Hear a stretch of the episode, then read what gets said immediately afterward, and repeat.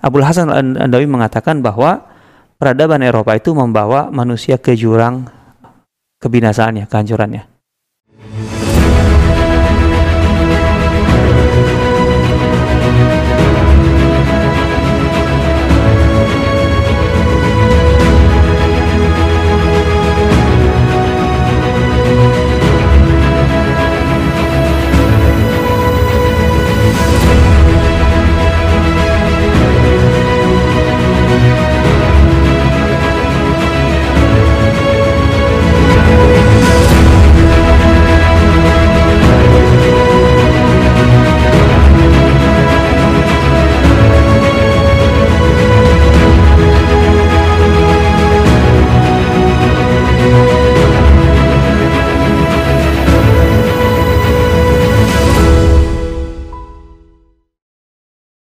Assalamualaikum warahmatullahi wabarakatuh. Alhamdulillah wassalatu wassalamu ala rasulillah wa ala alihi wa mawalah. La hawla wa la quwata illa billah. Rabbi sarah li sadri wa yassir li amri wa hlul uqdatam min lisani yafqahu qawli. Sobat Siroh, senang sekali saya Umar El Rozi bisa kembali menyapa di Siroh TV, sebuah channel yang menyajikan tayangan seputar Siroh Nabawiyah dan sejarah peradaban Islam. Kembali di podcast SCI Insya Allah 30 menit ke depan Kami akan menemani Sobat Sirah semua dengan tayangan yang insya Allah Sangat menambah wawasan keislaman kita Khususnya seputar uh, Sirah Nabawiyah dan sejarah peradaban Islam. Dan di kesempatan kali ini kita akan uh, berbincang kembali tentang uh, literatur atau buku-buku yang layak kita jadikan rujukan sebagai tambahan wawasan uh, terkait dengan sejarah peradaban Islam dan tentunya bersama guru kita di sini ada Ustadz Asep Sobari LC. Assalamualaikum Ustadz. Assalamualaikum Kabar baik Ustadz ya? Alhamdulillah, Aswar. Sehat ya? Alhamdulillah. Ustadz, kita ngomongin buku lagi nih Ustadz. Iya, Uh, sebelumnya kita sudah ngomongin buku-buku hardcover ya. Ber, uh, tebal-tebal ya, buku-buku induk. Ini termasuk buku induk juga atau seperti apa Ustadz yang akan kita bincangkan di kesempatan kali ini? uh, ya di di di ini buku unik sebenarnya tepatnya Unik? sih buku unik. Artinya ada keunikan di buku itu. Uniknya kenapa? Hmm, pertama karena buku ini judulnya, judulnya unik. Hmm. Ya, kedua sebenarnya yang lebih unik lagi eh, ide yang melatar belakangi penulisan buku itu, Oke. Eh, ber- eh, yang berdasarkan sebuah metode penafsiran terhadap sejarah, Sejarah. gitu loh. Itu itu Pastinya penulis adalah ahli sejarah nih. oh jelas, jelas, Oke. jelas. Dan menulis Sirah Nabawiyah juga yang terkenal. Penulis sirah juga. Iya, iya, Wah, iya. Teman-teman sobat sirah nih kayaknya penasaran banget ya. Buku apa yang akan kita bahas di kesempatan kali ini ya? Silahkan teman-teman siapkan alat tulisnya, jangan sampai terlewat ya. Ya. Jadi apa nih judul buku yang akan kita bahas di kesempatan kali ini, Ustaz? Eh, Bahasa Arab ya judulnya. Oke. Eh, judulnya adalah Mada khasira al-alam bin hitatil muslimin. Kalau diterjemahkan ke dalam bahasa Indonesia, apa kerugian Mm-mm. yang eh, dialami dunia, gitu ya. atau apa kerugian yang melanda dunia akibat kemunduran umat Islam? Hmm. Ini Nah. bentuknya pertanyaan atau Pertanyaan apa? pertanyaan? Oh gitu. Apa? Pertanyaan, emang pertanyaan, gitulah. Hmm. Jadi buku ini memang ditulis dalam bahasa Arab Mm-mm. gitu, oleh penulis yang bukan orang uh, uh, bukan kelahiran Arab gitu ya. Oke. Saya nggak mengatakan bukan orang Arab, bukan kelahiran Arab gitu ya. Dan Jadi beliau di mana nih ulama India, Abdul Hasan Ali An-Nadawi. Oh. Walaupun keturunan Arab, Arab. tapi di India lahir di India, belajar di India, Hmm. tumbuh di India dan seterusnya. Termasuk wafatnya juga di India. wafatnya di India. Hmm. Tapi belum menulis bukunya dengan bahasa Arab. Mada khasir al-alam min hitatil muslimin. Seputar siroh India ini juga akrab dengan nama Syekh Sofiur Rahman Al Mubarak Furi. Oh Ini ya, satu zaman ya, ya. atau Oh, seperti apa? enggak, enggak, enggak, enggak. Dulu tuan beliau lah eh, Hmm. dibanding Al Mubarak Furi gitu ya. Walaupun wafatnya memang eh, ya tapi duluan juga beliau. Hmm, beliau Eh, ya. Iya. Eh, masih ini seputar siroh Ustaz. Eh, buku ini buku karya beliau di Siroh Nabawiyah juga kalau tidak salah sering di Iya, itu buku ya? penting itu. Artinya eh, sebelum Mubarak Furi bahkan buku itu sebenarnya. Hmm. Eh, beliau menulis buku Sirah Nabawiyah Hmm.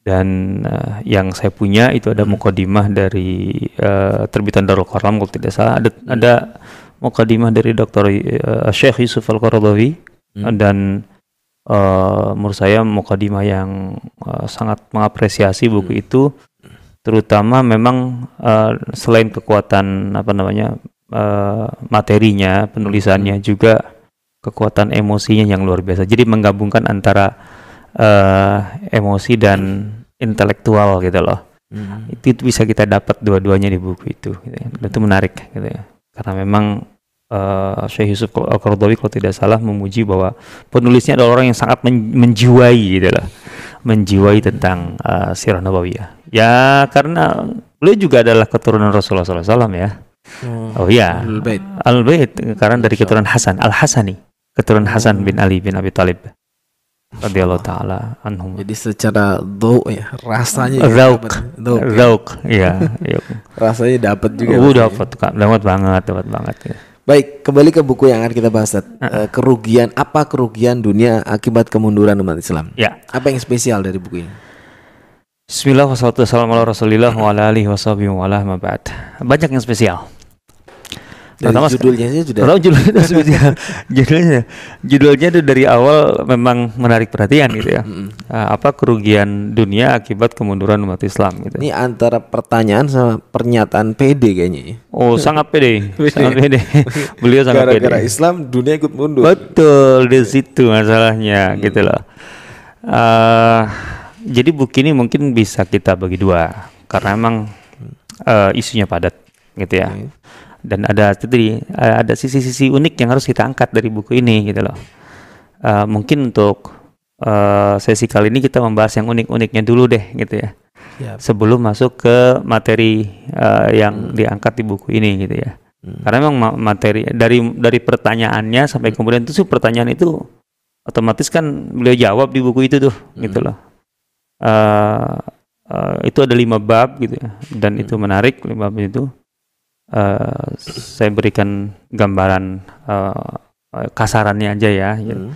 Beliau membahas di pertama bab pertama adalah tentang eh, al asrul jahili di latar belakangnya dulu, gitu ya. Hmm. Akan apa kerugian dunia akibat kemunduran umat Islam kan ya. Jadi umat Islam itu mundur, sekarang mundur sebagai fakta, berarti kan sebelumnya kan maju gemilang gitu ya. Nah, latar belakang kegemilangan umat Islam itu mulai dari mana? Pertama, mulai dari keberhasilan umat Islam gitu ya, eh, mengeluarkan umat manusia dari jahiliyah. Gitu loh. Maka pembahasan pertama tentang eh, apa namanya? ma- periode jahiliyah dulu, uh, jahili. Kemudian kedua, eh, perubahan dari eh, transisi dari jahiliyah ke Islam gitu loh. Bagaimana di masa Rasulullah SAW ini masa yang sangat penting sekali. Islam Rasulullah SAW dan para sahabat berhasil gitu ya, mendidik manusia untuk bisa keluar dari jahiliyah. Dan ternyata dengan keluar dari jahiliyah itu eh, umat Islam membuktikan bahwa manusia menjadi maju gemilang itu karena bisa keluar dari jahiliyah dan kemudian eh, menerapkan Islam gitu ya. Maka kemudian bagaimana Islam al-asrul islami bagaimana Islam memimpin dunia. Nah kan gitu. Sampai kemudian eh, umat Islam mundur kan gitu loh. Nah, ketika umat Islam mundur itu kemudian kan barat yang muncul. Hmm. Nah kan gitu, barat yang muncul. Nah, ketika barat yang muncul gitu ya, eh, dia dalam posisi mm, katakanlah berlawanan dengan Islam gitu loh. Jadi kemunculan kemunculan eh, barat itu kan eh, atau katakanlah kita bicara bicara baratnya ya. Ketika umat Islam muncul kan yang yang ide- seharusnya yang idealnya gitu ya dunia ini adalah terjadinya tajdid pembaruan gitu ya Oke. sehingga kemudian eh, Islam kembali eh, katakanlah bisa keluar dari faktor-faktor keterpurukannya dan kemudian memberikan kegemilangan kembali. Oh ternyata enggak, Islam mundur, ternyata Barat yang muncul. Nah Barat ini masalahnya apa? Nah ini yang kemudian beliau ulas panjang lebar di situ. Intinya Barat Barat itu mencerminkan kembali kepada ke- kejahiliahan, gitu loh Hmm. maka sebenarnya umat eh, umat, umat manusia itu kerugian besar gitu di situ sehingga kemudian apa yang dibutuhkan yang yang dibutuhkan adalah bagaimana kemudian mengangkat kembali Islam sebagai tadi Uh, maka pede banget gitu ya, sebagai uh, apa namanya sumbu dari pusaran ataupun uh, pergerakan dunia ini Iya. untuk kembali ke atas. Karena dengan begitulah kemudian dunia akan kembali atau manusia akan kembali uh, peradaban. ah dalam arti yang sesungguhnya. Ya. itu ini. Itu itu kasarannya. Mungkin nanti kita bahasnya nanti aja ya. Karena Artinya ini eh, buku ini tulis di mana kondisi umat Islam saat itu juga sudah mulai atau sedang mengalami kemunduran. Ustaz. Nah itu dia kalau gitu kan kita harus tahu latar belakang penulisan buku Penulisannya, ini dan oke. buku ini. Ya dimulai dari inilah dari eh, mungkin mengenalkan sosok Abul Hasan Ali An Nadawi Ya. eh, rahimahullah karena tidak banyak juga orang yang eh, tahu ya, Hmm, ya. termasuk di Indonesia Iya. gitu ya. Sepertinya untuk Siroh juga tidak sepopuler eh, Syekh sepertinya ya. Betul. Padahal kalau kita membaca eh, apa Sirah Nabawiyah karya beliau, Hmm. gitu ya, eh, ada feel yang beda deh, gitu ya. Kalau saya sih ya, Hmm. ada feel yang beda. Tadi bahwa hmm, karena memang beliau tuh ber- ketika menulis buku Sirah Nabawiyah itu sudah menulis buku ini lebih dulu, gitu. Dan buku ini kan membahas tentang jahiliyah, tentang peralihan dari jahiliyah ke Islam, kemudian masa Rasulullah. Artinya beliau itu sangat lekat dengan uh, sirah nabawiyah sejak masa muda sekali gitu loh. Masa muda sekali. Artinya sejak sejak kecilnya kemudian tumbuhnya uh, artinya dari usia 20-an tahun, 30-an tahun itu dengan dengan sirah nabawiyah gitu loh. Uh, kemudian tahun 60-an setelah beliau berusia kurang 50 tahun uh, itu menulis sirah nabawiyah. Jadi sudah matang gitu kan nulis itu. Matang gitu lah. Nah, jadi Sepertinya versi terjemah juga ada saat ya. kayaknya ada deh Sirah Nabawi. Sirah Nabawiyah karya Abdul Hasan al Nadawi. Coba uh, antum cari di Najah itu. Siap. Uh, barangkali ya ada. sepertinya ada sepertinya. Tapi kayaknya terjemahnya udah lama gitu lah. Saya berharap terjemahannya artinya bukan sekedar bisa apa namanya menerjemahkan uh, apa sisi sisi apa mm, bahasanya Hmm, gitu ya. Ya. Tetapi juga uh, rasanya gitu loh. Jangan sampai kehilangan karena rasanya asik sekali itu buku itu. Beda deh beda dengan Mubarak Furi gitu ya. Tentu setiap buku punya kelebihannya, Iya. eh, kelebihannya masing-masing ya. Tapi eh, kita juga jangan eh, apa namanya melupakan perbedaan yang penting itu, gitu ya. Karena sebenarnya memang tidak cukup untuk punya satu buku, apalagi Sirah Nabawiyah, Ya. ya gitu ya. Baca lima buku belum tentu sebenarnya udah cukup untuk tahu tentang Rasulullah SAW, apalagi sampai pada meresapi itu masih panjang lah kalau gitu ya. Di sini di Rumah Sirah ada 120 judul kok tentang Sirah Nabawiyah. Dari segala sisinya gitu. ya. Nah, kita kembali. Siap. Abdul Hasan al-Nawawi ini ulama India, intinya ulama India. Berusia cukup panjang sampai totalnya sekitar 85 tahun. Eh dari lahirnya tahun 1914 sampai wafatnya mau masuk ke eh, 2000 tahun akhir 1999 Gitu ya, akhir 1999 Masa krisis tuh. oh iya memang. Dan banyak ulama yang meninggal di tahun-tahun itu kan. Eh, 99 2000 2001 itu kan ulama besar banyak meninggal gitu. Eh, sebenarnya dari sejak akhir 90-an sih. 1990-an yang saya tahu di, di Madinah waktu itu Syekh, Syekh Atiyah Muhammad Salim meninggal. Kemudian sebelumnya juga Syekh Muhammad Ghazali Mesir meninggal gitu ya. Kemudian eh, ya beliau ini ya Ali An-Nadawi kemudian Syekh bin Baz meninggal. Kemudian tidak jauh kemudian Syekh Utsaimin meninggal. Banyak ulama-ulama besar yang meninggal di masa-masa itu. Periode 90-an. Iya, iya, akhir 90-an ke awal 2000-an gitu ya. Dan setelah itu kita tahu eh, apa namanya umat ini luar biasa. Timur Tengah ada perubahan peta. Oke. Jadi beliau ini lahir di India, meninggal di India karena memang ulama India. Ya, Di apa namanya di An-Nadwi itu eh, jadi ada sebuah lembaga besar gitu yang melahirkan ulama-ulama besar gitu di daerah Lucknow di India itu yaitu eh, Darun Nadwah namanya. nama yang serupa dengan ini ya. Zaman Rasulullah. Ah bukan Darun sorry Nadwatul Ulama. Oh, Nadwatul Nadwatul Ulama, Nadwatul Ulama modern. Keingatnya Darun Nadwah pula Nadawi. Dar eh, Nadwatul Ulama. Nah, Oke. Nadwatul Ulama itu punya lembaga pendidikan namanya eh, Darul Ulum. Itu terkenal di India gitu.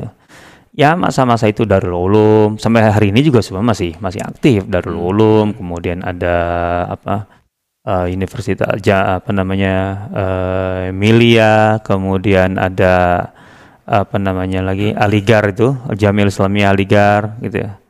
Terus tapi itu agak belakangan kalau nggak salah ya. Mohon koreksi ya para eh, apa namanya yang yang terutama yang pernah di India atau tahu India. Tapi kurang, kurang lebih lah gitu ya di masa berdekatan kurang lebih di situ. Hmm.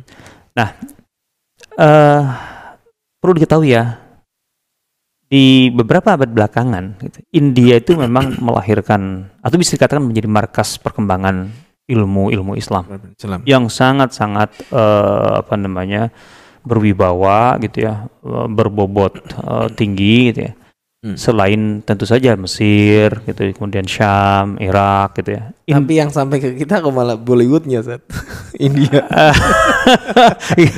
itu dia nih generasi generasinya generasi Iya. Sahrukhan Ya, ini Sahrukhan kita ada lebih- kacau Lebih kenal Eh, daripada Hasan ya. padahal ada Syah Waliullah apa Dahlawi ada Tua Dehlawi itu kan Hmm. ulama-ulama besar yang bah- bahkan dianggap sebagai mujadid ya Eh, dan memang saya rasa pantas beliau menyandang Hmm. itu dan kemudian ulama-ulama besar lainnya yang tidak ini terutama dalam bidang ilmu hadis ya Hmm.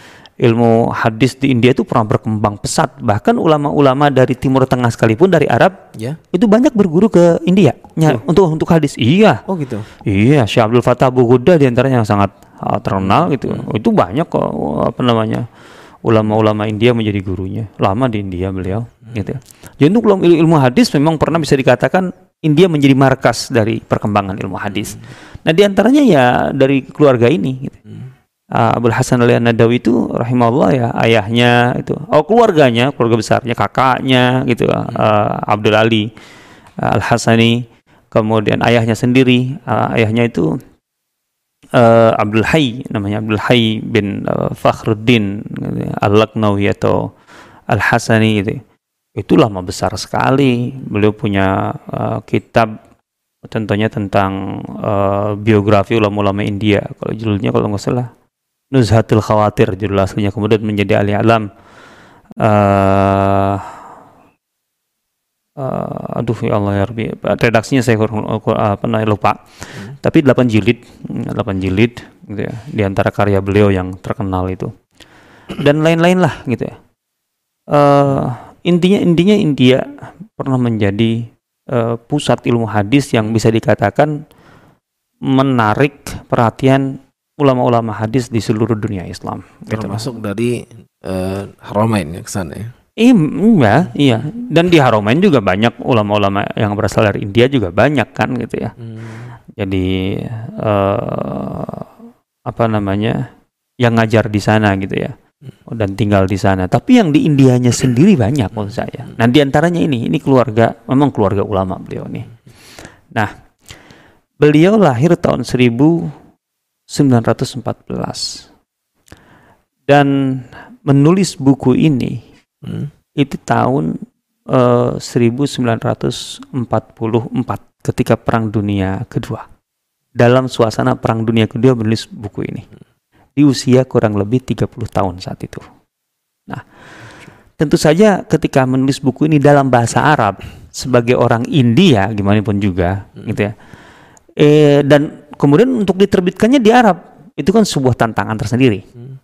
gitu bagaimanapun gitu ya Hmm. bagaimanapun seorang eh, kelahiran India tumbuh belajar India tumbuh di India menulis dalam bahasa Arab gitu ya dan buku ini buku pemikiran istilahnya secara umum gitu ya. Ya bukan hanya sejarah tapi pemikiran. Untuk kemudian dilempar ke eh, dunia Islam dengan diterbitkannya di Arab. Bukan diterbitkan di India gitu ya. Ya kalau diterbitkan di India oke lah gitu kan. Yang membaca juga orang India gitu. Kalau ini nggak yang membaca orang Arab gitu. Yang tentu saja berbahasa Arab dan lain sebagainya sebagainya. Dan ini membawa pemikiran yang sangat besar atau mendalam gitu ya. Jadi ini sebuah tantangan sendiri bagi beliau ya beliau sendiri mengatakan gitu bahwa eh, saya menganggap itu sebagai sebuah petualangan yang eh, apa namanya atau petualangan ilmiah yang wah, bagaimanapun gitu. Saya dihinggapi rasa khawatir rasa takut ini gimana bisa gitu. Eh, tema sebesar ini ditulis oleh seorang anak muda 30 tahun India gitu ya dan dalam bahasa Arab dan kemudian dilempar di dunia Arab kan Nah, tapi ternyata apa hasilnya? Buku ini mendapatkan uh, sambutan yang sangat luar biasa gitu ya. Diterbitkannya oleh penerbit uh, paling bergengsi lah saat itu di Mesir gitu yang dipimpin oleh uh, Ahmad Amin kalau tidak salah gitu ya. Yang menulis buku terkenal Fajrul Islam, uh, Duha Islam dan seterusnya. Uh, di kalau nggak salah Darun Nashr Tarjamah di di Mesir. Saat itu adalah penerbit paling eh, paling elit lah untuk saat itu. Nah, jadi um, buku ini uh, salah satu sisi keunikannya di situ, gitu lah. Hmm. Tapi sebenarnya bukan berarti beliau baru pertama kali menulis atau kemampuan bahasa Arabnya tidak diragukan sebenarnya sih kalau menurut saya. Karena uh, sejak usia 17 tahun beliau itu sudah menulis makalah, gitu ya, makalah biografi memang, gitu ya, seorang uh, tokoh di India, ulama India, gitu ya kalau nggak salah waktu itu beliau uh, di bawah bimbingan uh, seorang uh, juga ulama dan uh, cendekiawan yang sebenarnya menurut saya luar biasa cuma cara yang dikenal Taqiyuddin Al-Hilali. Uh, nah, tulisan ini dalam bahasa Arab di usia 17 tahun itu diterbitkan atau dikirim dan kemudian diterbitkan oleh majalah Al-Manar di bawah pengasuhan atau ya katakanlah di bawah supervisi uh, Rashid Ridho. Jadi usia 17 tahun loh, makalahnya sudah diterbitkan oleh uh, Almanar. Itu menunjukkan kan memang kemampuan bahasa Arabnya sebenarnya enggak bukan bukan uh, cek-cek gitu ya.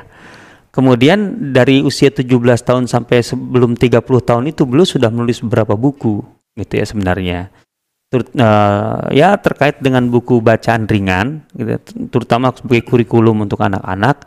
Di antaranya adalah uh, buku tentang uh, apa namanya kisah-kisah yang ditulis dalam atau dibukukan dalam judul Kira Rashidah dan uh, kalau tidak salah juga apa uh, kisah para nabi, qasas al-anbiya kalau nggak salah gitu ya untuk anak-anak memang ada kecenderungan tersendiri ke kategori uh, siroh dan sirah makanya itu ini. dia dari sejak kecil beliau hmm. itu sudah betul-betul bergelut dengan itu gitu loh hmm. dengan dengan sejarah dengan siroh dengan tarikh gitu hmm. sehingga ketika menulis buku ini ini bukan betul-betul baru apa namanya pengalaman yang masih ya, misalnya masih mentah enggak sebenarnya sih gitu ya cuman ya tadi tantangannya itu menulis dalam bahasa Arab hmm. di India pula gitu ya sebagai orang India gitu. Tapi diterbitkannya di Mesir Arab. oleh uh, penerbit katakanlah paling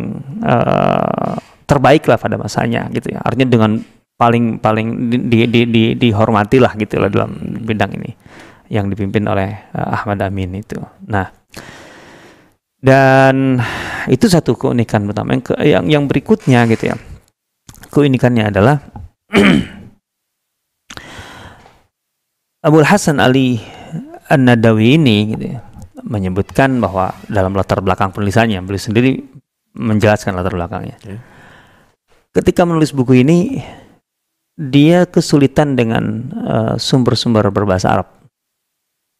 Karena hubungan India dengan Arab tidak artinya hubungan dalam arti uh, transportasi dan sebagainya begitu buruk. Nah, ini masa perang dunia.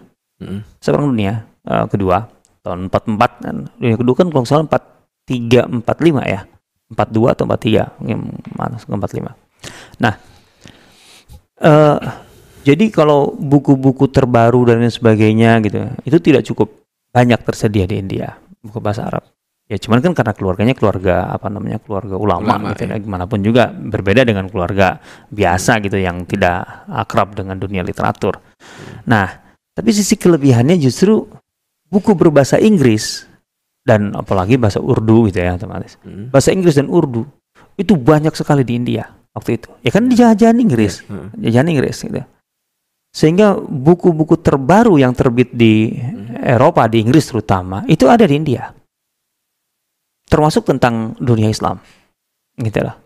Ini menarik ya, dijajah tapi juga literaturnya tetap. Nah itu dia, itu sisi lainnya, yeah, sisi yeah. lainnya gitu loh. Yeah, okay. Jadi pokoknya perpustakaan-perpustakaan waktu hmm. itu banyak, perpustakaan-perpustakaan umum gitu ya, hmm. uh, perpustakaan jadi ini kan lembaga sendiri gitu ya. Yeah. Itu memang uh, Nahdlatul Ulama dengan Darul Ulumnya itu mereka tidak hanya membatasi pada apa namanya literatur-literatur Arab, Hmm. tapi juga literatur asing, terutama Inggris dalam hal ini. Oke. Itu itu mereka kumpulkan dan mereka pelajari. Jadi mereka terbiasa untuk betul-betul membaca eh, Islam itu eh, dari banyak perspektif gitu ya. Cuman dengan modal yang begitu kokoh, yang begitu Hmm. kuat karena mereka punya punya apa namanya latar belakang turos ataupun literatur klasik Islam yang sangat Hmm. kuat di India gitu ya. Nah, jadi ya eh, jadi bukan orang yang kagetan gitu loh baca eh, wacana Barat gitu, enggak gitu. ya. Tapi yang penting buku ini gitu ya Hmm. eh, ketika membahas tentang Eropa itu sumber-sumbernya bukan sumber-sumber Arab gitu loh. Beliau itu langsung dari bahasa sumber Inggris gitu ya. Artinya berbahasa Inggris terutama gitu. Ya karena tadi gitu India jajahan Inggris dan kemudian buku-buku terbaru yang terbit di Inggris itu sudah ada di India selalu begitu. Itu yang beliau akui. Makanya waktu eh, beliau nyerahkan katakanlah outline-nya ke Ahmad Amin gitu ya di Mesir itu Ahmad Amin tuh eh, ngirim surat gitu. Dia khawatir ini buku cuman buku katakanlah sebagaimana eh, ulama tradisional gitu ya, ulama tradisional itu membahas tentang barat tetapi dari rujukan-rujukan sekunder atau oh enggak gitu. Ini rujukan gue eh, semuanya primer gitu. Kalau- membahas barat ya dari eh, rujukan-rujukan barat gitu lah.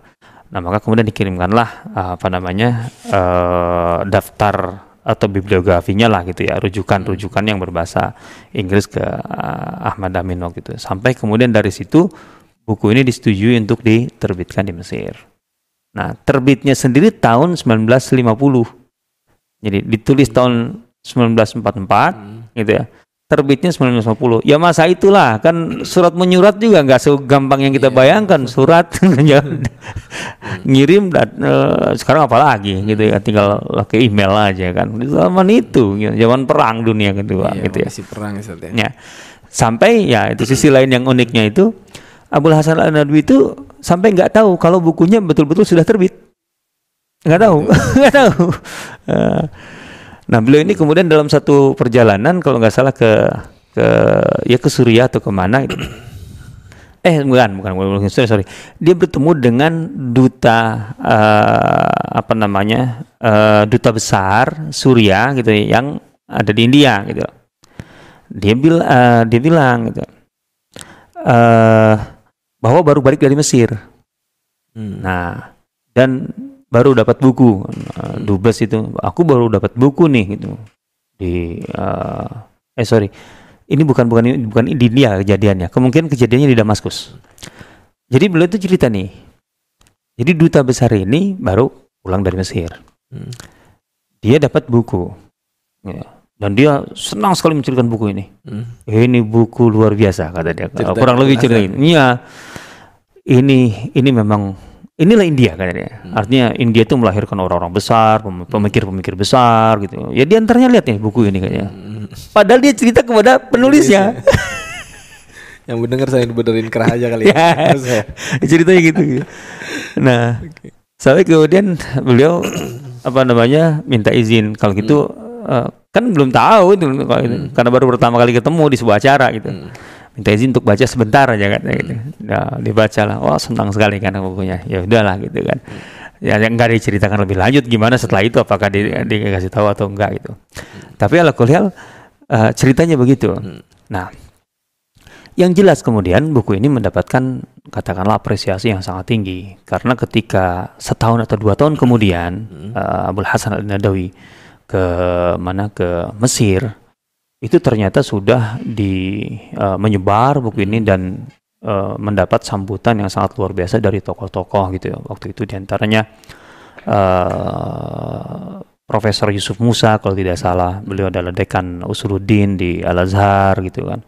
Itu sangat-sangat mereka apresiasi dan kemudian Ahmad Asyarbasi itu juga eh, dan Muhammad Asaid Kutub waktu itu. Bahkan Said Kutub kebetulan waktu itu di eh, kalau nggak salah di Hulwan gitu itu membuat punya majelis gitu. Eh dan majelis itu kebetulan sekali kata dia ketika dia datang ke Mesir itu majelisnya adalah majelis tentang pembahasan tentang buku itu jadi bedah buku itu. Hmm. di majelisnya Said Kutub. Maka kemudian eh, diundanglah eh, karena tahu lah gitu eh, eh, penulisnya ada di Mesir, kemudian diundang untuk kemudian uh, mengisi di majelisnya Said Qutub gitu. Dan kemudian di edisi berikutnya kan Said Qutub memberikan uh, pengantar kan gitu tentang buku ini. Sebagaimana yang lain juga memberikan pengantar. Hmm. Nah, artinya buku ini bukan sekedar bacaan orang biasa gitu loh hmm. maksudnya. Ini bacaannya levelnya level ya tadi profesor level apa gitu. Padahal ditulis oleh seorang anak muda berusia 30 tahun saat menulisnya gitu loh. Sehingga kemudian memang ada yang menarik di buku itu ya banyak faktor yang menarik hmm. buku ini kan tadi uh, dari judulnya kan kelihatan pede banget pede, kan gitu ya. pede banget gitu ya di tengah kondisi umat Islam yang sedang terpuruk dan uh, luar biasa tertekan hmm. dari sana sini gitu hmm. dan kemudian ada semangat untuk hmm. bangkit kan hmm. ya tentu kita tahu generasi itu generasi uh, kebangkitan ya setelah Jamaluddin Afghani Muhammad Abdul Rashid Ridha gitu ya hmm. dan ini generasi setelahnya tuh kurang lebih generasi setelah Rashid Ridha kurang lebih hmm. nah otomatis uh, buku ini kayak memberikan semacam apa penguatan gitu lah terhadap semangat uh, kebangkitan bahwa Islam itu memang uh, apa namanya hmm. tidak pantas untuk berada di bawah artinya Islam itu punya punya modal dan kekuatan untuk uh, apa namanya memimpin dunia bahkan di level itu digambarkan di buku ini kan hmm. dengan begitu percaya diri nah tapi menurut saya bukan semata-mata di situ sebenarnya gitu ya uh, dari judulnya saja mada khasir al alam min hitatil muslimin gitu ya. ini uh, bisa dikatakan dan ini diakui oleh beliau atau beliau sendiri menyatakan bahwa hmm saya menulis buku itu berdasarkan satu latar belakang ide gitu ya yang tidak biasa gitu ya. Kan selama ini selama ini uh, Islam itu ditulis atau sejarah Islam itu ditulis sebagai uh, satu bagian peristiwa yang ada di dunia. Gitu ya. Sebagai satu bagian peristiwa di dunia. Dalam arti terutama ketika umat Islam sudah mulai terpuruk gitu ya. Kan banyak kejadian besar di dunia. Nah ketika terjadi peristiwa-peristiwa besar di dunia itu kemudian umat Islam itu kemudian jadi apa apa dampak gitu ya atau pengaruh dari sebuah peristiwa dunia terhadap umat Islam kan selama ini begitu hmm. gitu ya. selama ini begitu kata beliau saya tidak begitu karena saya, saya tidak melihatnya begitu. Yang tepat bukan begitu metodenya, gitu ya. Jadi menempatkan Islam dan dunia Islam gitu sebagai uh, sesuatu yang biasa, yang sama dengan yang lain-lain, di mana posisinya hanya terdampak, terpengaruh gitu ya, oleh peristiwa-peristiwa di sekitarnya, gitu. Nah, ini terkait dengan masalah siapa yang menjadi uh, sentral dari sebuah peristiwa? Apa yang menjadi uh, penentu gitu ya faktor penentu dari sebuah peristiwa yang terjadi di dunia? Umat Islam dianggap sebagai uh, yang terdampak saja nggak begitu yang seharusnya justru peristiwa-peristiwa sejarah ini dilihat dari apa dari posisi umat Islam sebagai penentu peradaban Islam sebagai penentu gitu ya artinya ketika uh, umat Islam dan peradaban Islam di satu posisi apa dampaknya terhadap dunia gitu ya. Baik itu dalam arti positif maupun negatif. Artinya ketika kaum muslimin itu apa namanya uh, muncul sebagai kekuatan di dunia, apa pengaruhnya terhadap dunia? Tentu saja uh, penulisan ini uh, gaya penulisan ini atau metode penulisan ini mudah kita dapati ketika kita membaca tentang uh, sejarah umat Islam saat umat Islam sedang berada di puncak kegemilangannya, kan gitu. Nah, tapi kan begitu umat Islam kemudian atau peradaban umat Islam kemudian semakin mundur, kan gitu. Nah, kan banyak yang berpikir bahwa umat Islam sudah tidak lagi menentukan. Yang menentukan adalah peristiwa-peristiwa lain di sekitarnya, kan gitu. Nah, ini yang belum nggak begitu. Tetap gitu. Harus dilihat dari umat Islam. Ketika umat Islam mundur sekalipun, apa pengaruhnya terhadap dunia? Itulah. Jadi sebenarnya, sebenarnya persoalan dunia ini sekarang dengan segala kekacauannya itu akibat kemunduran umat Islam. Islam. Bukan umat Islam mundur karena peristiwa-peristiwa di sekitarnya gitu loh, bukan bukan begitu cara pandangnya. Ini sebuah sebuah sebuah menurut saya sebuah metode penafsiran sejarah gitu ya. Hmm. Gitu ya uh, atau, atau ya uh, jadi manhaj tafsir tafsir at-tarihi gitu ya So metode penafsiran sejarah Mhm. sekaligus metode penulisan sejarah gitu loh. Makanya judulnya itu muncul, Mada khasiral alam? Apa kerugian dunia akibat kemunduran umat Islam? Gitu loh. Mhm. Ah, cuman kan di situ beliau sudah dalam dalam pertanyaan ini sekaligus mengafirmasi, eh dunia itu rugi loh. Ketika Islam mundur ya. Ketika masuk mundur Iya, gitu loh. Jadi jangan berpikir bahwa dunia ini baik-baik saja ketika Islam mundur gitu loh. Hmm. Dan menurut saya ini sangat beralasan. Karena umat Islam itu adalah umat yang diberi amanah untuk mengusung atau mengemban risalah Allah di muka bumi. Itu dasarnya. Ketika Allah Subhanahu wa taala menyatakan Inna aradna al-amanata 'ala samawati wal ardi wal jibal fa'abaina an yahmilnaha wa ashfaqna minha wa hamalaha al-insan. Sesungguhnya amanah amanah yaitu amanah petunjuk Allah risalah Allah diterapkan di muka bumi. Mhm. Itu kan misalnya ditawarkan kepada langit, eh, bumi, gunung-gunung, tapi tidak ada yang sanggup. Dan manusialah yang memikulnya. Hmm. Tentu manusia yang beriman kepada risalah Allah ini, gitu lah. Nah, manusia eh, kaum umat Islam adalah umat terakhir yang mengusung risalah Allah ini di muka bumi ini. Sebagai khalifah di bumi, ini ja'ilun fil ardi khalifah dan seterusnya untuk memakmurkan bumi, Hmm. eh, wastamarkum fiha dan seterusnya seterusnya.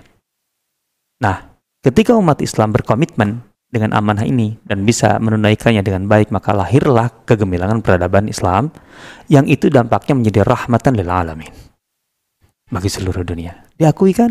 Sejarah Yahudi aja mengakui di di di, seja- eh, di masa diaspora Yahudi yang paling eh, katakanlah eh, ringan penderitaan Yahudi gitu ya eh, dibanding keberadaan mereka di tengah peradaban mana pun atau masyarakat mana pun itu kan paling nyaman paling tenang Yahudi itu ketika di bawah pemerintahan Islam sejarah mereka loh itu sejarah penderitaan Yahudi loh Mhm.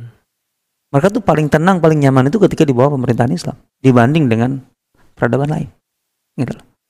jadi ketika Islam itu gemilang ya itulah rahmatan lil alamin kan gitu loh Umat lain kena dampaknya. Oh iya, terkena dampaknya. Spanyol ada Mozarabes, gitu ya.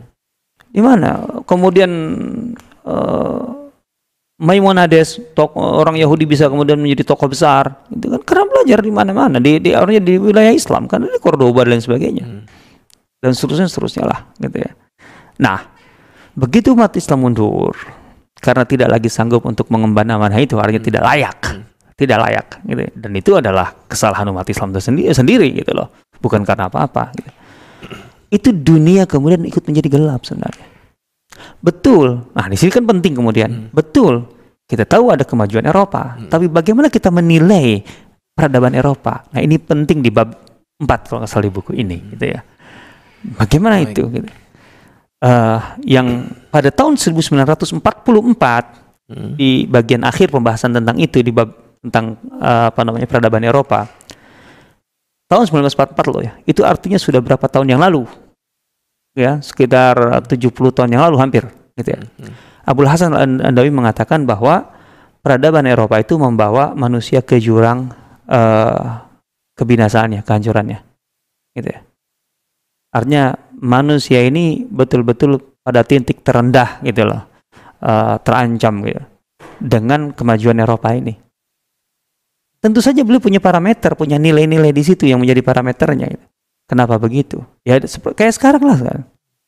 Eh, Peradaban apa namanya Barat yang begitu luar biasa itu, tapi dampaknya terhadap manusia secara secara keseluruhan loh ya, bukan kepada satu orang dua orang, satu kelompok dua kelompok gitu. Ini masalah besar, gitu. Membawa dampak yang sangat luar biasa. Nah, jadi sebenarnya Eropa itu ketika bangkit itu tidak bisa memberikan yang diberikan oleh umat Islam. Peradaban Islam itu rahmatan lil alamin. Tapi membawa nestapa kepada dunia, kan gitu loh. Nah, maka apa yang dibutuhkan oleh dunia kemudian? Ya kebangkitan umat Islam lagi. Gitu loh. Nah, ini yang itu harus disadari pertama kali oleh umat Islam itu Umat Islam, sendiri, gitu loh. Iya. Ini yang dia beliau ajak itu dari kita, gitu loh di bab kelima Buku ini. di buku ini. Jadi begitu isinya. Ini bermula dari tadi eh, keunikannya itu dari metode penafsiran sejarahnya itu. Oleh Abu Hasan Alawi sejak tahun 1944 di zaman Perang Dunia Kedua. Itu lebih menarik lagi. Oke. Gitu ya. Ya. Sebelum kita bahas isinya di next uh, Insya Allah podcast, ya. Ya, Insya insya Allah. Allah. Ini kan diapresiasi sedemikian rupa bagus eh, oleh ulama-ulama. Tapi bagaimana eh, Barat saat itu dengan munculnya buku ini? Saya kurang tahu ya, Hmm. artinya reaksi Barat terhadap buku ini sejauh ini eh, saya belum membaca. Karena ini kan pasti bersinggungan dengan, otomatis, eh, mereka. otomatis. Eh, saya artinya komentar-komentar dari eh, tokoh-tokoh Hmm. Barat dan sebagainya terkait dengan buku ini, saya kurang tahu. Baik. Gitu ya, saya kurang tahu. Ah, artinya saya baru membaca dari eh, apa tanggapan-tanggapan ulama kan dari banyak ya. Iya, iya. Iya. Dan Abdul Hasan ini kan sosok yang menarik juga. Yang jelas beliau ini orang yang ya dari ujung rambut ke ujung kaki itu perjuangan untuk dakwah. Eh, ujung rambut dan dari kepala ke kaki itu adalah untuk dakwah hidupnya. Dan itu beliau terkenal dengan kesederhanaannya dan sebagainya, ketulusannya, dari bahasanya dan sebagainya. Beliau di India di dari Nadu- eh, dari Nadwatul Ulama gitu ya. Tapi beliau sangat dekat dengan Muhammad Ilyas Al-Kandahlawi, eh, pendiri Jamaah Tabligh, ya. sebagai sehingga sebagian eh, menganggapnya beliau menjadi bagian dari Jamaah Tabligh. Walaupun menurut saya nggak mesti Jamaah Tabligh kalau dekat kan nggak mesti bagian. Iya. Tapi dekat lah, sangat dekat dengan Jamaah Tabligh di India. Dan itu punya alasan yang kuat kalau menurut saya gitu ya. Karena tantangan India waktu itu antara Hinduisasi dengan kolonialisasi, artinya eh, identitas umat Islam itu terancam betul di India gitu. Tapi juga jangan salah, beliau itu menjadi bagian dari dewan eh, pendiri eh, Universitas Islam Madinah gitu. Eh, oh ya, dan beliau tahun 1963 diundang oleh eh, secara langsung oleh Syekh bin Baz untuk menyampaikan eh, ceramahnya di eh, Universitas di Universitas Islam Madinah gitu. Atas undangan Syekh bin Baz sendiri langsung oh, hubungannya begitu dekat dengan beliau gitu ya.